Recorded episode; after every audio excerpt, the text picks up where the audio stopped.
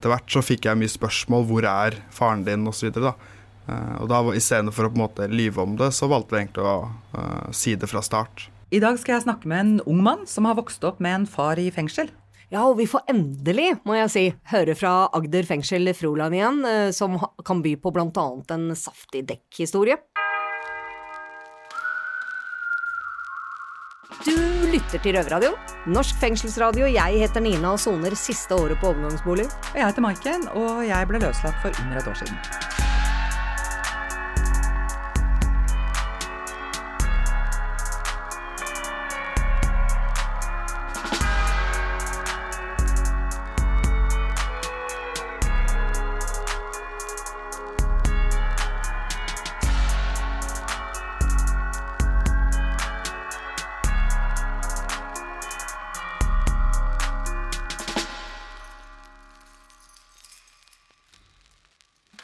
Jeg blei satt inn, så syns jeg at det var ekstra tungt for meg fordi jeg ikke hadde noen pårørende.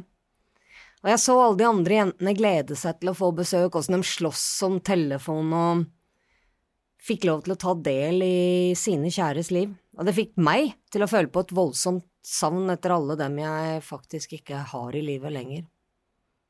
Men etter hvert som tida gikk, eh, så har jeg sett det at på en måte så har det vært en velsignelse også. For jeg har sittet med kvinner som ikke engang kunne delta i sine pårørendes begravelse eller ikke kunne være til trøst på sykehuset. Og for, for, en sånn som meg, som faktisk eh, fikk lov til å være med, til og med holde mora mi i handa når hun gikk bort, så jeg kan ikke engang forestille meg åssen det eh, må være å ikke få delta på noe sånt. Og, og, mødre, ikke minst, og ektefeller som ikke har fått eh, være sammen med sine. Så den tilleggsstraffen som de med pårørende faktisk får i form av avmakt og smerte, det har jeg vært forskåna for. Så det er en masse følelser jeg har sluppet å forholde meg til. Så aldri så gærent så har det vært eh, godt for noe, da, får jeg jo kanskje si. Men du, Maiken, du har jo pårørende. Fortell, åssen har det vært for deg? Ja, jeg, eh, jeg har jo også hatt besøk av barn i den besøksleiligheten på Bredtvet, men det er vel også alt jeg har tenkt å si om det, bortsett fra at jeg har tre barn. Eh, jeg har helt ulike relasjoner til de tre i dag. Men av hensyn til dem og, og til deres rett til privatliv, så snakker jeg ikke om det på radio. Nei, det skjønner jeg. Så sånn er det. Men, eh, men du har jo ikke bare barn, du er jo datter sjøl også? Det er jeg. Og faren min er jo en, en eldre fyr blitt. og vi gjorde ett forsøk med videobesøk, da. Og da, da, satt han med laptopen sin, og jeg så liksom mest panna hans og taket. Og, og, det ble en veldig sånn stiv og kunstig måte å prate på for han. Så etter det så gikk vi bare over til korte oppdateringer på telefonen eh, fram til han faktisk kunne komme på besøk, da. Eh, for det var jo covid og greier. Men altså, jeg husker at jeg så han fra vinduet på cella da han gikk fra parkeringsplassen og opp mot fengselsporten. Og det var liksom som en knyttneve i magen å se hvor mye eldre og mer prega av sykdommen sin han var blitt på den koronatida uten besøk. Da. Og der satt jeg, og så var det han på en måte som skulle hjelpe meg. Det var, kjentes ikke noe godt, altså. Jeg, jeg ser den. Jeg jo, understreker jo bare den følelsen jeg har av å slippe unna noe. Men eh, du hadde jo kjæreste også, veit jeg. Fortell, ja, gikk det an å forholde seg til det? Ja, altså han var veldig opptatt av at det var jo meg det var mest synd på som skulle inn. Men, men, han sa også at den største tomheten for han da jeg ble satt inn, det var på en måte fraværet av, av, av den derre banale hverdagsdialogen som vi hadde gjennom hele dagen. ikke sant? Litt sånn eh, Prata litt og litt på chat eh, gjennom jobbdagen og alt mulig om, om, alle slags hverdagslige fortredeligheter, og plutselig så var det på en måte helt stille og tomt. Og vi snakka jo på telefon og sånn, men han begynte å skrive brev i stedet. Og vet du hva han gjorde da? Det er litt sånn, jeg blir litt sånn, ja. Nei, han syntes han skrev så stygt. Så han, han satte seg ned med sånn YouTube og, og så på sånne håndskrift-tutorials på YouTube og øvde. Sånn at han skulle skrive penere brev til meg. Det Åh, ja, men Det er jo fryktelig søtt, da, hvis ikke det er kjærlighet. Ja, da veit ikke jeg. Han har jo gått i extra mile, da, helt klart for deg der. Men eh, da lurer jeg jo på, følgespørsmål, blei hun flink til å skrive, da? Jeg følte veldig at det var sånn derre Det var veldig sånn derre uh, unggutt på videregående typisk. Spiller ingen rolle, tanken som teller. Ja. Har den bunken med brev ennå. Men uh, du var jo også ute på et oppdrag for Røverradioen, hvor du traff en spennende dame som heter så mye som Ylle. Ja! Jeg blei invitert til å snakke på et arrangement i Tønsberg. Eh, Og da traff jeg henne. For Kirkens Bymisjon har noe som heter FRI. De jobber opp mot løslatte. Eh, Og der jobber Yle Theodorsen. Eh, Og på det arrangementet så var hun og Hanne Hamsun fra Foreningen Fangers Pårørende og snakka om et samarbeid de hadde hatt om noe de kalte for en fuelbox. Og det er et samtaleverktøy for å klare å ha de viktige, men vanskelige samtalene man ofte skygger unna med de nære pårørende når man har så innmari lite tid med dem. Men det hørtes jo spennende ut. Ja, så da tenkte jeg shit, pommes frites, så bra, det her må vi jo få inn på Røverradioen. Ja, men det gjorde vi jo også, da. Ja. Så da sendte vi henne til Eidsberg, der hun eh, prater med David og Thomas.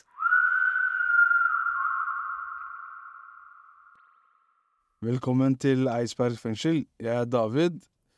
Sitter her med min røverkollega Thomas, og i dag har vi en eh, gjest med oss i studio. Jeg heter Illa, og jeg jobber i Kirkens Bymisjon. Uh, jobba med mye forskjellig, men uh, jobba aller mest med innsatte. Jobba mye ettervern. Og jobba mye med barn som har en uh, mamma eller pappa i fengsel. I dag så er jeg hos dere for å vise fram en, en fuel-boks vi har laga. Hva er det i den boksen? Du, det er en eh, boks med samtalekort. Vi har laga det som et verktøy eh, for å kunne snakke om eh, de vanskelige samtalene eh, når den ene parten sitter i fengsel. Det er liksom 173 spørsmål i ulike kategorier, da, som skal funke som en sånn start, en samtalestarter. Og vi er veldig, veldig stolte av det resultatet, og det har vært, eh, det har vært en sånn derre lang reise, den, eh, den babyen her. Den har vi ruga på sammen. Eh, egentlig FFP som tok kontakt med oss for fangers pårørende og de ønska å lage en sånn boks. Og så jobber jo vi med samme målgruppe, men med litt ulikt perspektiv. De er jo en, en interesseorganisasjon som ivaretar de pårørende, eh, mens vi i Kirkens Bymisjon med våre ulike tilbud, vi jobber ofte med den innsatte, da. Også med den pårørende, men, men i, en, i en litt mer sånn faglig kontekst.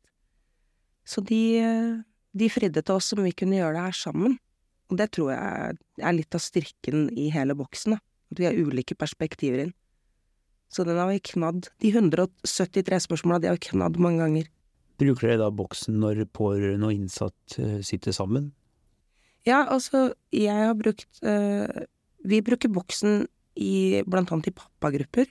Vi driver jo foreldreveiledning i fengsel. Eh, der har vi brukt boksen. Eh, jeg kan bruke boksen i en inntakssamtale med en innsatt, hvor jeg skal bli kjent med han. Eh, jeg har brukt boksen helt privat. Jeg er også pårørende. Jeg har brukt boksen med pappaen til, til mine barn. Så det er mange liksom varianter, og vi ser for oss at på en måte eh, den kan brukes både av en fagperson, men også mellom et par, da. Sånn at det er mange vinklinger med den. Altså, vi er jo mer enn bare. Du er mer enn en innsatt, jeg er mer enn dama til. Altså, man er mer enn mammaen til, man har, man har mange hatter og mange roller, og det å ivareta den derre um, sorgen det er, da. At når man er pappa eller mamma og sitter um, og soner en dom, så, så er man avskåret fra det hverdagslige og familielivet, men det opptar mye plass inni deg, da. For de aller fleste. Så Og vi hadde jo en eller annen tanke om, i denne fuelboksen, at eh, det er noen samtaler som man kanskje hopper litt bukk over når man har én time besøk til rådighet i uka. Eh, eller eh, så man aldri veit om man skal ta den på telefon, eller om man skal ta den i starten av besøket, og så ødelegger man hele besøket, eller skal man ta den på slutten av besøket, og så veit man at den andre parten går her inn og gnur på det aleine, ikke sant, helt til neste gang vi kan ringes. Eh, og jeg vil gå ute og gnu på det helt til neste gang vi kan ringes. Så ho- tanken og håpet vårt var jo at dette her kan være en måte å sette i gang en, en tradisjon eh, med å ta de vanskelige samtalene, jobbe litt med det. Få avklart forventningene før løslatelse. Eh, For min del så var det liksom Eh, livet handler veldig mye om den som sitter inne. Man, på utsida så tilrettelegger man, man fikser, man gjør klart, man forsvarer, man Ja. Eh, og så eh, spør da pappaen til barna mine hva er det du egentlig, hva er det du egentlig, hva vil du av meg, hva trenger du? Jeg trenger at du starter samtalen med hvordan har du det, ikke med vet du hva, jeg fikk avslag på permisjon. Idet jeg tok telefonen. Eller eh, nå funker ikke dette på Nav, eller jeg veit ikke hva jeg skal gjøre, eller Kan vi bare, kan vi bare alltid starte med åssen har du det? Det er viktig. Jeg tror det at han, når han veit at han har 20 minutter til rådighet, så vil han rekke å si så mye som mulig, ikke sant? Det er ikke tid til visvas. Og så trenger jeg de ti sekundene med hvordan har du det. Bare så jeg kan si jo, det går fint. Og han kan si ja, men du er rå. Mm. Ja, det er viktig, da. Ikke bare begynne med det negative. Mm. Den boksen her er jo selvfølgelig et verktøy for det, da. Mm.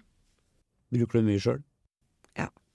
Jeg har måttet gjøre det òg. Litt sånn i For å på en måte ja, bli kjent med den og sikre den og eie den, ikke sant. Så har vi, jeg tror alle vi som har sittet i, i sammen så, og jobba fram de spørsmåla her, har brukt den en del, da. Både i jobb og, og sikkert de andre også, med sine, sine forhold og sine barn, og øvd liksom litt fram og tilbake. Åssen kan vi bruke den? Men det er mange, mange av spørsmåla som jeg tenker at det er eh, Som krever at du er ganske ærlig, da både med deg sjøl og med, med partneren din, eller ja, med deg selv og barnet ditt, eller hvem enn du har den samtalen med, da. Vi skal tilbake til Eidsberg fengsel etterpå, men først så skal vi til Agder fengsel Froland. Ja, det sitter en gjeng nedi der som også lager radio. Og det er jaggu lenge siden vi har hørt fra dem her hos oss.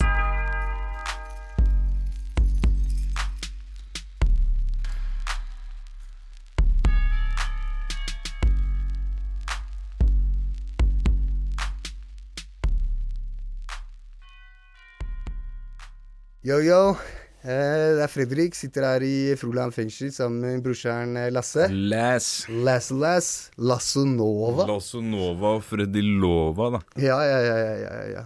Bro, eh, da har jeg tenkt å ta opp et eh, litt sånn viktig eh, tema. ass. Ja. Eh, og det er hvordan man eh, snakker med de pårørende. Riktig. Så våre pårørende, liksom. Familie, sånn, sånn, sånn. Om det å skulle sone. Eh, eventuelt liksom, hvilken dekkhistorier og eh, alle de greia rundt. Vi begge har jo liksom en lang fartsgang og sånn, men uh, har du noen konkrete eksempler på, på noen dekkhistorier du har uh, jazza opp, eller? Ja, jazza opp en del, men uh, jeg husker spesielt første gangen jeg sona. Da var det verre å liksom tenke hva man For da var jeg så ung, så da var det vanskelig å vite liksom hva skal du fortelle de hjemme, hva skal du si at du sitter for, de veit ikke hva som har skjedd, du blir plutselig dratt inn i varetekt. Så den husker jeg var verre. Uh, og da tygde jeg lenge på hva, hva jeg skulle si, da. Ehm, og når de kom, så var det sånn at du måtte jo på en måte prøve å pakke inn dette her litt, da, og blusse det ned litt, sånn at det ikke Ja, de, hadde, de visste ikke at jeg var borti så mye rart før dette her, da. Nei. Det var en dobbeltliv-greie. Ja, ja, ja. Så eh, Jeg ser for meg at du har levd litt samme som meg når det kommer til det der. Sånn med familie og sånn, så er du på en måte litt annerledes enn det du er når du er med alle gutta. ja, ja. Det er Ja. Jeg har vært sånn mer at jeg har hatt dobbeltliv liksom på det andre. At jeg har hatt to forskjellige typer vennekretsmiljøer. Mm. Famen min har på en måte visst det. uh, fordi at uh, det De har visst det. Eh, la, lang, la, lang fartsgang, liksom. Men, Ja. men eh, jeg er helt down for den. Jeg har møtt folk ute etter jeg har sona og eh, liksom vært på ferie og gjort det og gjort det og gjort det, og det er ikke måte på. Så som med deg nå, da, Lasse, så er det jo vanskeligere å på en måte si at, uh, at du er på ferie, for nå er det jo mye mediedekning og sånn rundt uh, saken din. Det begynner å bli lenge òg. Ja, og for meg også så har jeg på en måte gitt opp litt den uh, Hva skal jeg si greia der. Men jeg, jeg, jeg husker, husker, husker på en måte hvordan det var å ta de pratene med famen. Men det har jeg som regel måttet gjort i jaileren, for det har liksom blitt varetektsfengsling og bli sittende Ja, det er det samme som meg eh, første gang. det er jo et, hva skal jeg si, det er jo et sårt tema, fordi at vi har jo lært oss å sone. Så for oss å sone Ja, du plukker jo opp alle triksa etter hvert som du soner lenger, da. Ja, ja, og vi klarer å sitte inne, liksom. Vi, det, hva skal jeg si, da. Vi kan sone greit, liksom. Vi har det greit. Men Mm. det er jo de der ute som på en måte uh, er de som soner. Ja. Og det får meg litt over til det andre temaet som hun tenkte å ta opp, og det er eh, hvordan delta i familieliv fra innsida, liksom, når man sitter inne. Det er jo litt vanskelig. Ja, jeg vil dra den så langt og si at eh, det er nesten umulig. Mm. Eh, Altså Det hjelper jo litt hvis du har besøk hver helg, eller at du har f.eks. leiligheten, da, besøksleiligheten. ja. Sånne ting hjelper jo. Eller hvis du er i permrutine og du har liksom tid til å kunne opprettholde et forhold, da. Ja. Da hjelper det. Jo, men det er derfor jeg mener at det er sånn å ha et forhold, gå inn og sone, Ja. og opprettholde det familielivet ute, det, Det er nesten umulig. ja. og Det, er, det, er sånn, det er sånn slitsomt. Og det blir liksom å Enten du har to valg, enten så blir det på en måte å bare sette det litt sånn på vent til du kommer ut og får starta deltatt, eller avslutta det, liksom. Mm. Det er de, de to valga man på en måte har. Hvis man prøver for mye og ville delta i det, så tror jeg det er mer destruktivt, fordi at du føler at du på en måte ikke strekker til der du vil. da. Ja. Kunne forsørge eh, liksom, de som, den familien du har valgt sjøl, som dame, kone, barn, liksom den greia der. Ja. Og, og på den andre sida så er det liksom det derre å opprettholde kontakt liksom med familie, den ytre familie, foreldre, søsken, besteforeldre, den der, den går an med å ringe og sånn. Mm. Men å delta på lik linje med familieliv der ute, sånn som når du sitter inne, det er så å si umulig, altså. Ja.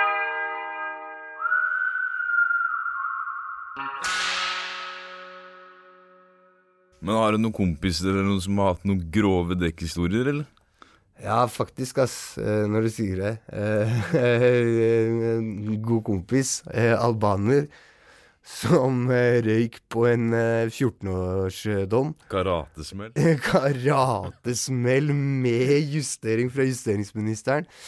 Han, eh, han eh, hadde snakka med Han hadde jo liksom kone og barn og sånn i Albania. Eh, og og han dro jo at han satt i fengsel, men han ljugde jo som faen om hvor lenge han hadde fått ikke sant? Ja, ja. Eh, Satt han i varetekt, eller var det sånn at han, Nei, han hadde han visste hvor lenge han hadde ja, ja, han hadde fått 14.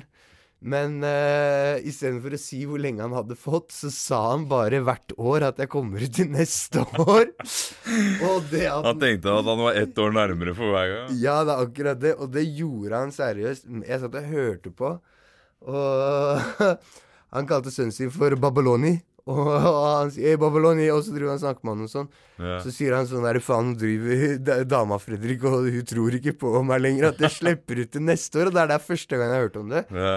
Så jeg bare sånn Hvor mange år hadde den holdt på Da da? hadde den holdt på i syv år. Shit, det er ikke så rart du begynner å dette ut av lasset ja, så, ja, så bare nå begynner det å bli litt vel mye rasling med sablene her, kamerat. Da har du sagt til neste år i syv år. Ja ja, men til neste år, da skjer det sånn. Så ser jeg på den, så jeg bare Men du er jo ikke ute fremdeles Nei, det var seks år, så jeg bare Men du er jo ikke fremdeles ute på to-tre år. Ja. Så han bare Ja ja, men det går to-tre år til. Og, og jeg sa jeg holdt på å le meg i hjel. Så det han gjorde, da, var det at jeg vet at han kom seg til Bastøy. Ja. Og det han gjorde da, var det at da dreiv han og, og, og Jeg liker han, selv om jeg ikke veit hvem det er. Ja, ja, han er fin som faen, skjønner du. Men eh, da den kommet ut, og så driver han liksom og, og, og ringer fra Skype og sånn, da. Se, nå er jeg ute og sånn, jeg er løslatt og sånn, han er på perm. Skjønner du? Men jeg må bli i Norge og jobbe litt grann til. Og sånn. Familien tror at han er liksom og jobber på liksom bilverksted og sånn, ikke sant. Ja, ja. Så da har han begynt å fiske på Bastøy for ikke å bruke penger på mat og sånn. Så driver han og sender penger hjem til familien. Han var han, ordentlig undercover. Han var ordentlig undercover for han visste han skulle sitte i to-tre år til. ikke sant, skjønner du? Ja. Men han fikk den, han fikk den til å sitte. Så den der, den, den, den likte Den satt som et børseskudd, Den den. satt så. Jeg holdt på å si Det var ikke noe å lure på. Nei, hold- holdt på å si eh, satt den. Men eh, faren din har jo sittet i en del i fengsel og sånn.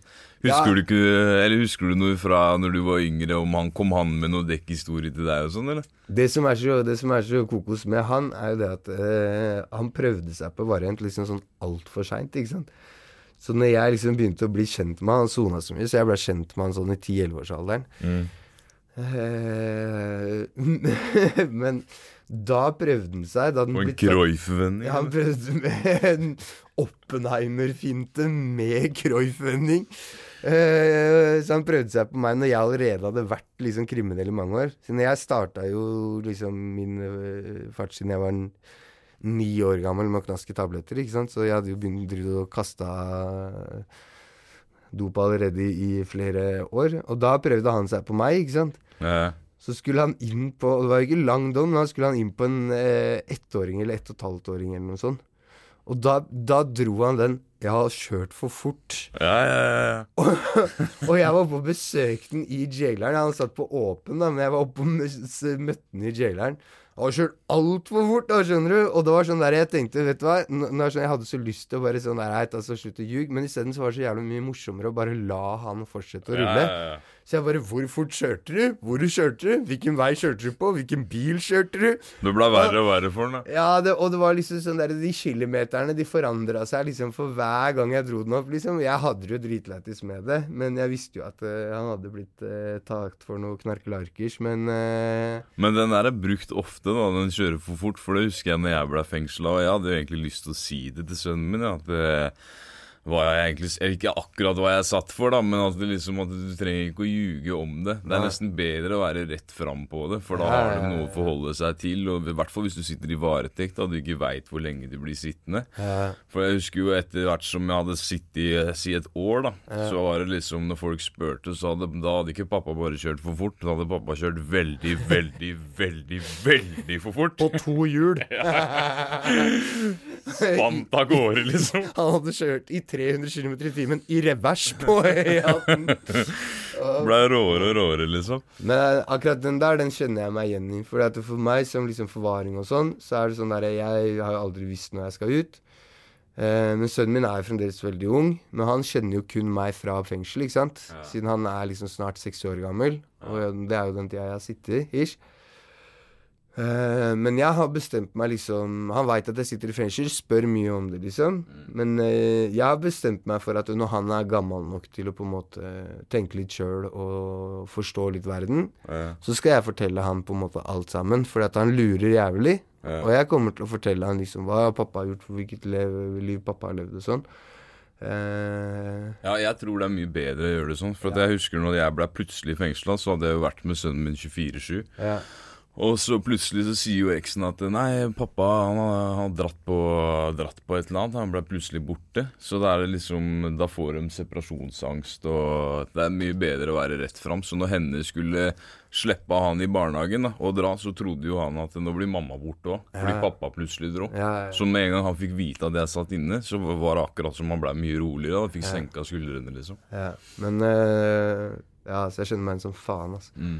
Guttungen også, separasjonsangst i helvete eh, på grunn av det. Ja, Så kom han og besøkte meg i fengsel da han fikk vite at jeg satt. Og da var det liksom sånn Han kom jo inn eh, Han kom inn her, da. Da var det sånn eh, Ja, nei, faen, er, det, er vi i fengsel? Eller hvor er egentlig fengselet, pappa? Det var jo sånn Siden det er stjernebygg, da, så ser det jo veldig likt ut som en skole, f.eks. Ja, ja, ja. Det er de nye fengslene nå. Det ser jo Det, er jævlig sånn der ålreit for de type tinga. Og jeg husker jo med guttungen min også, så var det liksom eh, Og, og jeg, jeg, jeg satt og så snakka vi, og dette her er noen år siden på Ullersmoen, jeg satt der. Så sitter jeg sånn, og så liksom sitter vi og prater, så sier jeg sånn der Ja, hva har du lyst til å bli når du blir stor, og sånn. Ja. Så han bare sånn derre Nei, eh, enten politi eller superhelt.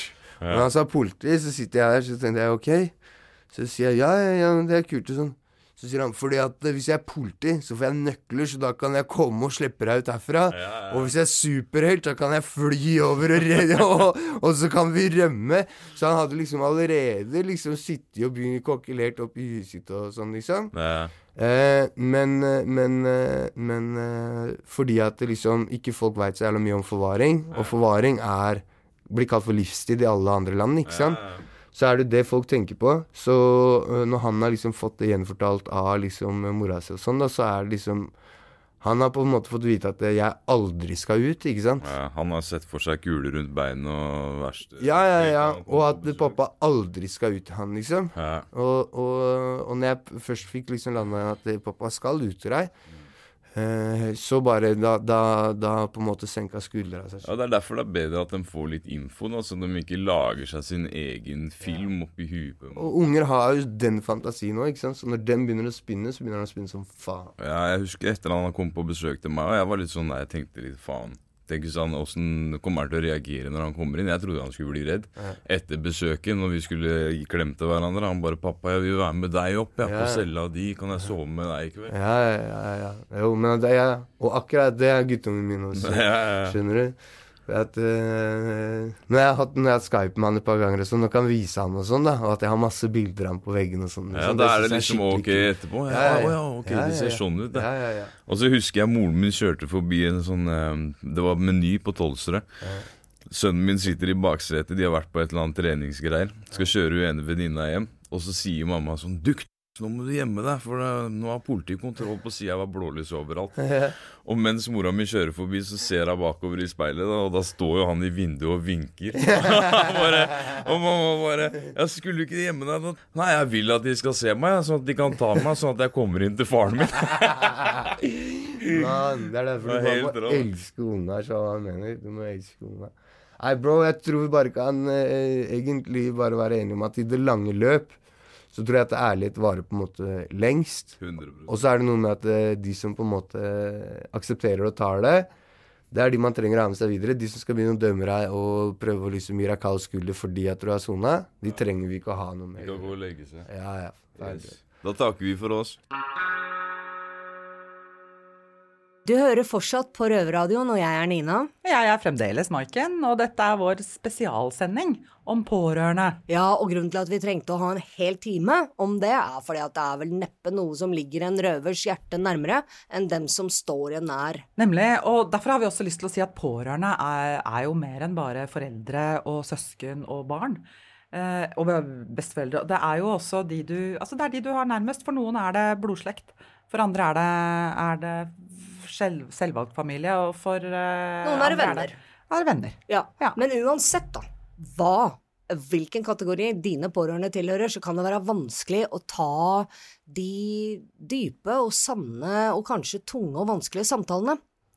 Det er jo vanskelig for folk som ikke sitter inne også, men når du har liksom 20 minutter telefontid eller én liten besøkstime, så er det vanskelig å begynne å dra de tinga opp av hatten, altså. Absolutt. Og som vi hørte tidligere i sendinga, så har vi eh, fått besøk av Ylle Theodorsen fra FRI, eh, Kirkens Bymisjon, som har med seg et uh, verktøy. Ja, som heter Fuelbox. En fuelbox. Det er rett og slett samtalekort uh, som skal hjelpe deg med å ta akkurat de vanskelige samtalene.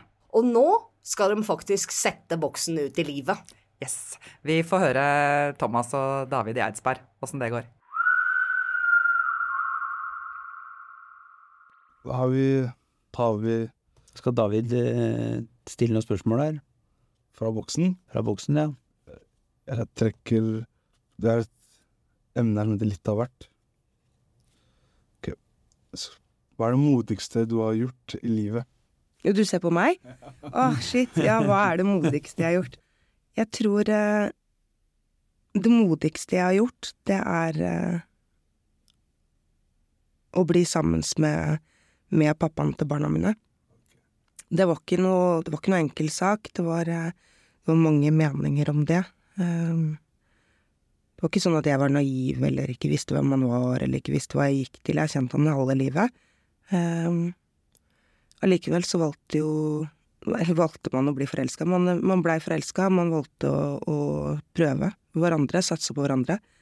Og jeg tror det modigste i det er liksom det å bli når det stormer som verst, da. Når alle, alle lurer på når det er nok, eller hvorfor gikk du ikke, eller hvorfor blir du en runde til, eller Så er det sånn Det er bare jeg som veit når det er nok for meg, da. Um, så det å hvile i det, hvile i at jeg gjør det som er riktig for meg, og, og tør, har turt å stå i det, det på tross av ja, andres tanker og meninger, det kjenner jeg i hvert fall noe av det mest krevende jeg har gjort, og det kjennes ut som noe av det mest modige jeg har gjort også. Så det er veldig modig at du sier det. Og sikkert veldig heldig fyr. Ok, hva skal jeg spørre deg da, Thomas? Spørre deg, Thomas. Hva drømmer du om i livet? Ja, hva jeg drømmer om, det er vel egentlig bare å slippe ut og leve et uh, kriminelt fritt liv. Ja, det er veldig også. svar. Man blir modig av å lese og svare på de spørsmålene her, så jeg følte meg bare modigere av å stille spørsmålene. Ja. Du går, går litt ut av den komfortsonen, da. Veldig Ikke noe lette spørsmål i den boksen her. Nei, og nå begynte jo du litt sånn på, på puddingkategorien, da. Ikke sant? Litt av hvert. Han, han sikra seg med å ta i starten. Du sikra deg, det var ikke, du gikk ikke rett på denne med liksom tillit og tilhørighet, eller det å leve med lovbrudd, eller For noen av disse her kategoriene er jo litt sånn, de stikker jo litt, da. Familie og nettverk, barna. Det er eh, Ungene dine er ofte det liksom det, det største og viktigste, ja. Det mest sårbare punktet ditt. Ikke lyst til å gi det, utlevere det til hvem som helst. Derfor syns jeg også fengslene burde bli flinkere til å tilrettelegge for barn. Mm. For det er veldig viktig, ikke sant. Man Å kon opprette kontakt med barna er jo det viktigste som er. Mm. Og det klarer du ikke med 20 minutter ringing. Jeg kan ringe dattera mi, og så har hun gjort noe lekser eller lekser eller gjort noe på skolen, ikke sant. På mandag så blir hun Så vil hun snakke, og så kan det godt hende 20 minuttene går bort. Så har jeg ikke noe tid til å ringe sønnen min da, for da har jeg jo brukt opp alle minuttene på mandag. Sant. Det er en ganske Det er en del sånn problemstillinger som man ikke forholder seg til hvis man ikke eh, må, ikke sant? Hvis man ikke vet. Eh, sånn som ja, hvordan det er å liksom sitte midt i en eh, diskusjon, eller aldri tørre å krangle med kona di, da. Fordi du veit ikke hvor lenge du har igjen, det kan hende det er to og et halvt minutt, så du tør ikke krangle med henne i tilfelle du ikke får ringt deg opp og sagt unnskyld, ikke sant? Eller hvordan det er å eh, søke framstilling til dåp. Og så er dåpen på en søndag. Lite bemanning. Får det ikke til. Barn døpes stort sett bare én gang, altså. Og da røyk den muligheten, da. Og så er det jo noe med, ikke sant, ja, du, du soner en straff og dette her, men, men den straffen, den rammer jo flere også. De alle innsatte har en mamma, en bror, en søster, en kjæreste, en, et barn. Noen. En venn. Alle er noen sin. Skal vi kjøre en, eh, en annen kategori, eller? Ja, jeg bare går på do en tur, jeg. Ja, da blir du sikkert glad for å høre. Jeg, jeg valgte tanker og følelser, jeg. Ja, fy. Nå skal vi kjenne litt på det. det. Men det som er en viktig forutsetning for denne her eh, fuelboksen, da, det er at man er enige om at ok, eh, nå det blir litt vanskelig å si sånn, vi har en eh, taushetsplikt overfor hverandre, men i en sånn samtale så tenker jeg at det krever, når jeg som pårørende, nei, som fagperson har en samtale med en innsatt, så krever det at jeg gir litt av meg òg. Og det å etablere at ok, vi har faktisk en, en taushetsplikt overfor hverandre. Det du deler, og det det jeg deler. Eh, men ikke minst det at det går an å si sånn ah, kan ta neste. Eller den har jeg ikke lyst til å svare på. Eller ikke sant? For det, er noen ting Det er ikke alt man har lyst til å, å, å pirke borti, da. Spørsmålet er eh, Hva syns du er eh, vanskelig med denne situasjonen, David? Vanskelig med, situasjonen med tanke på fengsel. Sitte i fengsel. Det blir vel Ja Jeg har ikke barn, men jeg har jo syv yngre småsøsken. Så jeg er eldstemann eldstemann i flokken, da. Så tid borte fra dem mm. Med tanke på at mange av dem er fortsatt veldig unge. Så det, det er den biten der, da. Um, hvis jeg se eh, Rusle litt videre til tanker Nei, til eh, Hvilke følelser kjenner du på overfor eh, familien på utsiden? Nei, jeg føler jo på litt skam, og så savner jeg dem veldig mye, da. Jeg føler liksom at jeg ikke er til stede for dem. Sånn som dattera mi nå har jo begynt i fjerde klasse, hun begynte i første før jeg gikk inn. Ikke sant? Jeg har ikke vært i første klasse, ikke andre klasse, ikke tredje klasse, ikke fjerde klasse. Sønnen min ble konfirmert rett etter jeg gikk inn, og tar en bilførerkort. Jeg mista hele ungdomstida hans, da.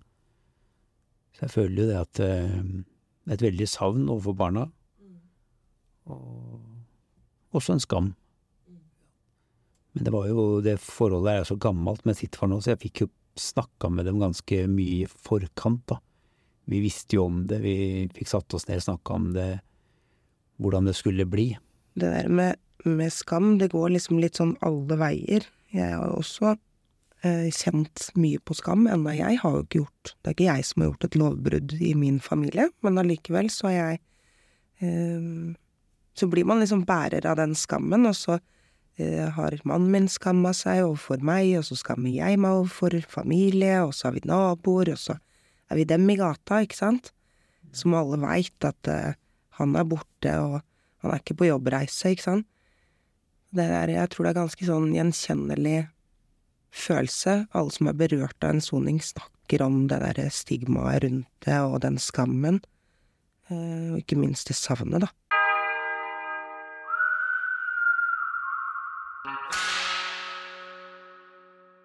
Det er jo mange av disse spørsmåla som, som er nettopp det, da. Som rører litt sånn tungt og langt inn i deg. Eh, men som jeg tror er veldig, veldig viktig, da. Som jeg har hatt nytte av. Eh, også på en måte eh, Ja, privat, da.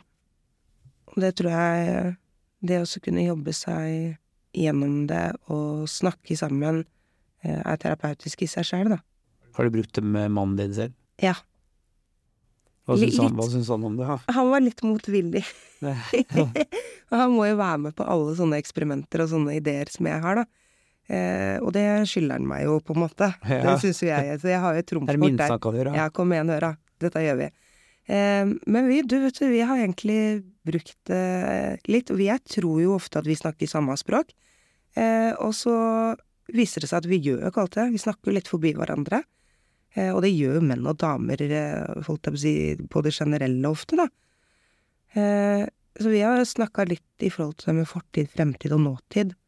Og vi har snakka litt om forberedelser før løslatelsen, og han løslatt, men i forkant av løslatelsen så snakka vi mye om det.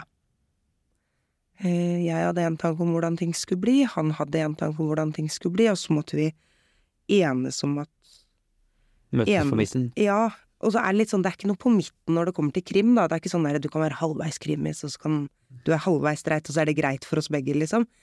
Så det, det der å finne en eller annen måte å leve på som eh, er A4 nok for meg, og A3 nok for han, det har vært ganske krevende. Det er jo det Barnevernet har jo kommet til konklusjonen med overvåkt meg i mange, mange måneder, og de har sagt at de finner ingen omsorgssvikt i det hele tatt. Og det mener at han har ett liv hjemme, helt normal familie hjemme, med barn, skole, barnehage, fotballtreninger, alt som er. Og så har han ett liv ute. Mm.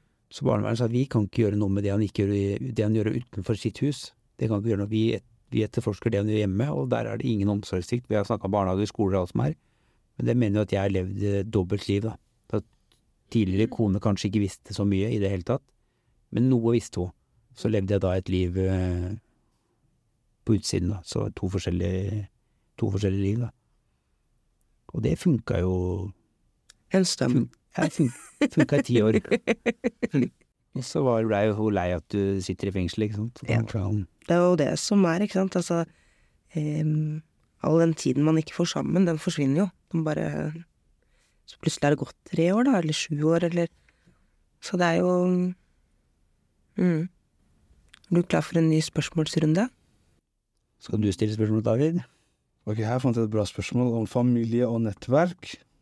Så kan jeg starte øh, med deg da, Thomas. Hvem har vært til støtte for deg i denne situasjonen? Bortsett fra meg, da. Nei, det er jo foreldra mine og brødre, søstre og en del venner. Så foreldrene mine har jo tatt med barna så mye de kan, både her og i Ringerike, da. Så jeg vil si foreldrene mine har vært den største støtten for meg i den soninga her. Det er jo godt med venner òg, selvfølgelig, men det er jo barna dine du helst vil ha besøk av, da. Så jeg spør deg det samme spørsmålet. Ja. Eh, Som, nå tenker jeg som pårørende? som pårørende, ikke som fagperson. Eh, ja, jeg har eh, noen venner. Søstera mi, kanskje særlig. og, og liksom mine aller nærmeste venninner som har eh, Som har holdt ryggen min og, og på en måte hele tiden stått ved siden av meg, da. Så har jeg moren, eh, altså svigermoren min, som eh, har vært helt, helt fantastisk. Så er det jo sånn at det er noen noen man ble liksom overraska over at det stilte opp og, og, var der, og så er det noen man ble skuffa over underveis, ikke sant, som man kanskje tenkte og så for seg å ha tett i livet sitt, eh, men som kanskje ikke var der som man hadde håpa. Det var nok følelser for en dags uh, bursdag. Er du sliten i følelsene dine? Så tenker jeg det er en fin anledning, anledning til å runde av. Tusen takk for at du kom, Ville. Det var veldig godt å ha deg med. Jeg vil si takk til min kollega som stilte opp i dag. Jo, takk for at du kom, ja. Det var veldig koselig. Mye gode spørsmål og Jeg håper at dere plukker den med dere og, og bruker den igjen, eller snakker varmt om den blant andre eh, innsatte. Eh, og som sagt så kommer det da en sånn boks eller to til alle enheter i, i hele Norge, sånn at det, det skal være tilgjengelig for alle.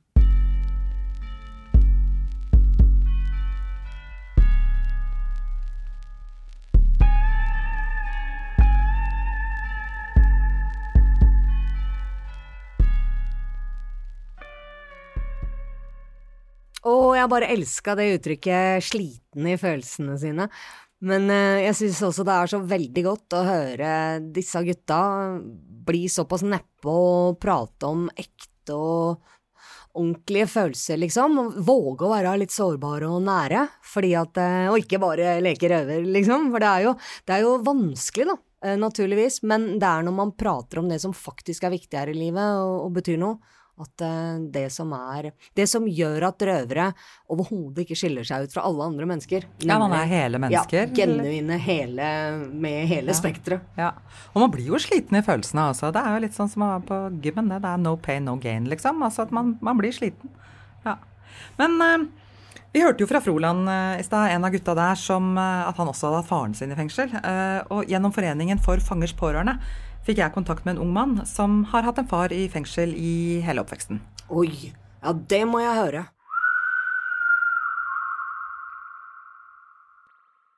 Hei, Nikolai. Velkommen til eh, Røverradioen.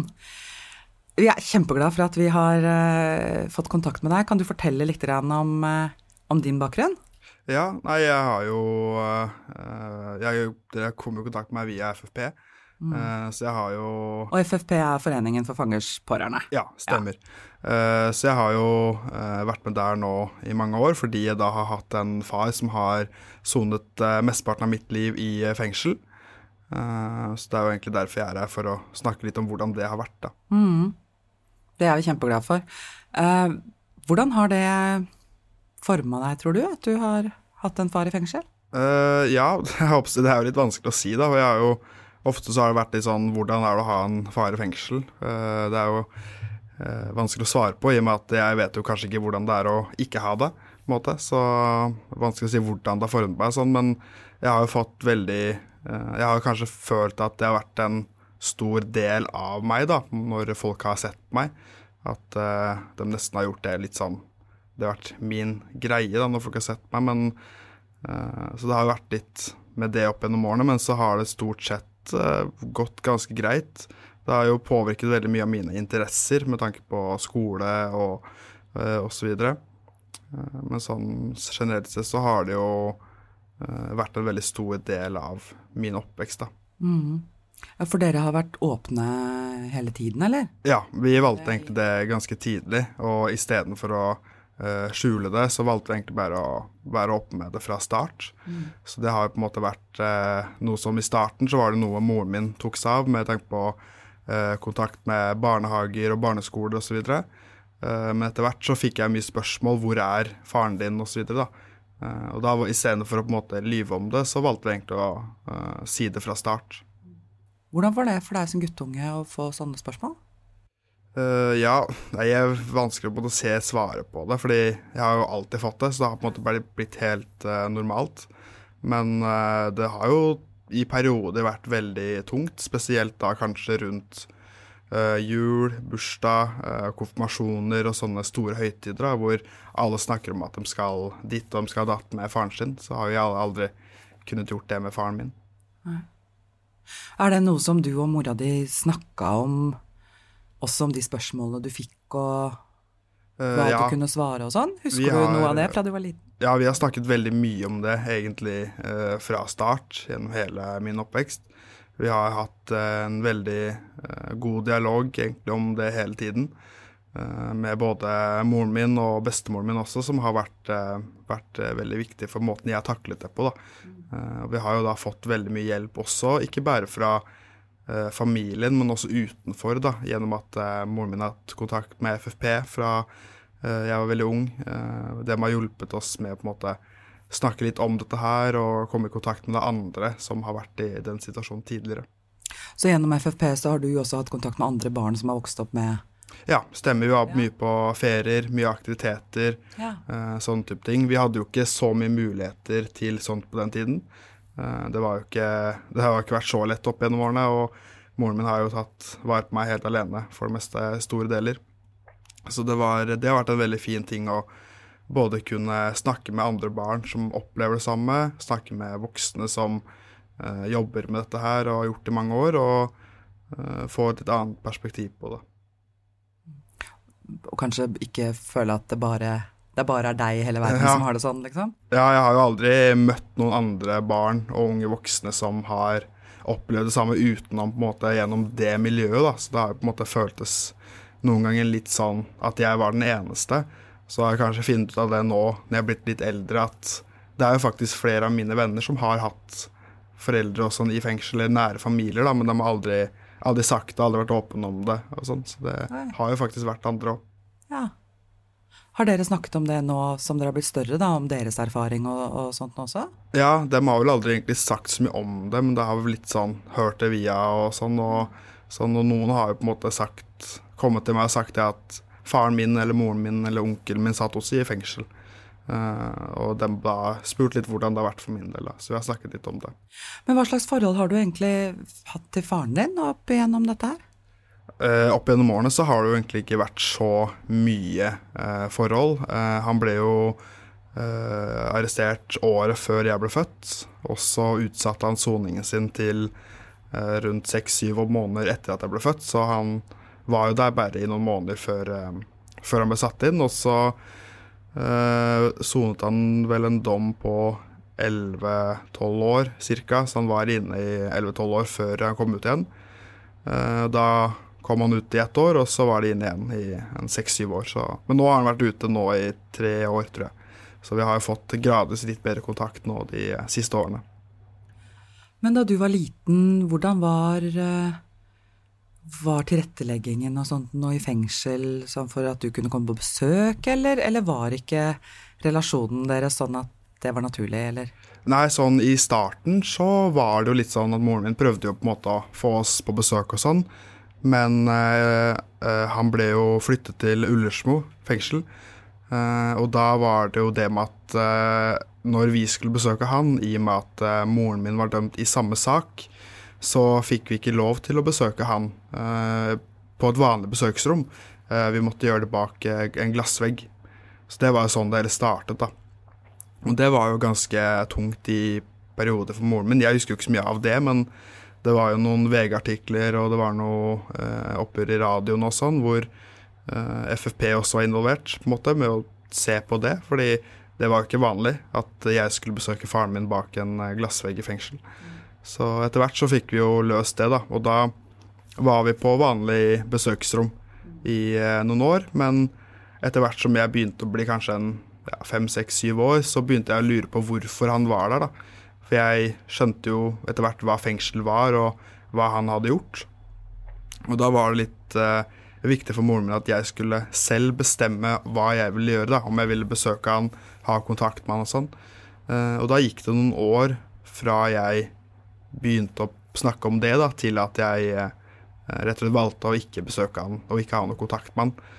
Um, så det, det jo, har jo vært veldig Husker du noe av, av, de følelsene du hadde da? Var det liksom når du begynte å skjønne hva fengsel var og sånn, var du Ja. Ble du redd eller sint, eller, eller bare var det vanskelig Altså, Husker du noe av hva slags følelser du hadde som barn da? Ja, jeg husker jo litt av det. eh, Og så selvfølgelig mye har blitt gjenfortalt til meg fordi det er jo lenge siden.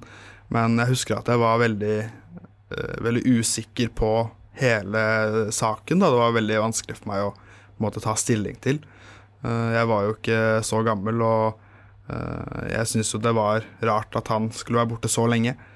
Eh, Men jeg husker jeg var veldig sint og frustrert og lei meg overfor det han hadde gjort. Fordi én ting var jo det at han måte valgte å ta det valget selv, men det har jo påvirket meg og veldig mange andre.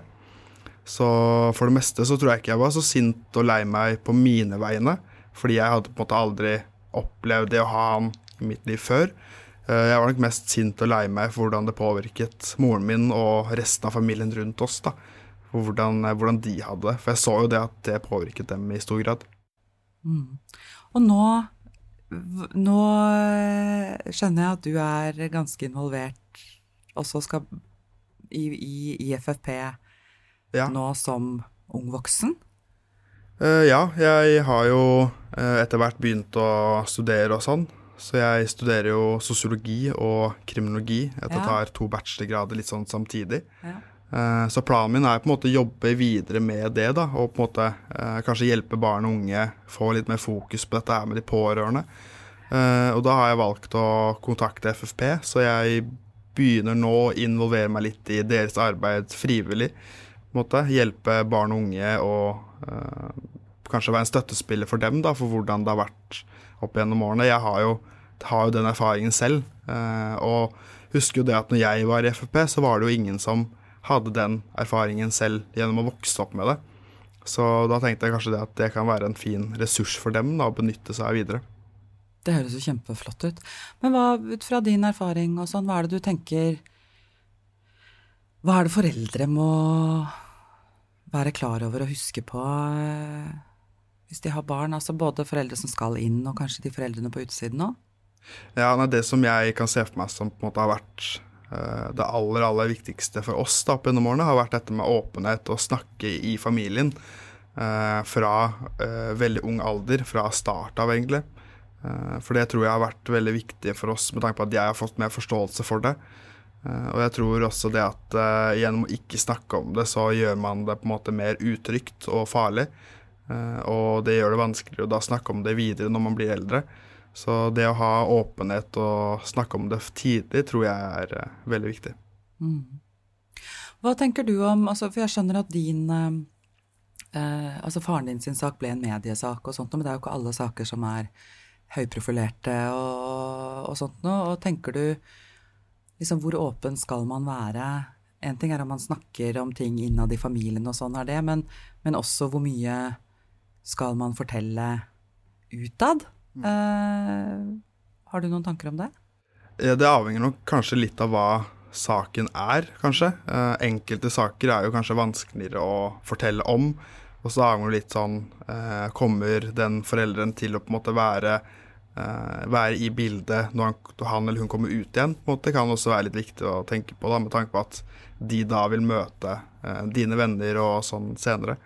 Men ja, Det er jo veldig vanskelig, vanskelig å si da, med tanke på hvor åpen man skal være, men i hvert fall innad i familien og eh, kanskje dine nærmeste ville jeg vært eh, så åpen som føles naturlig for deg. da.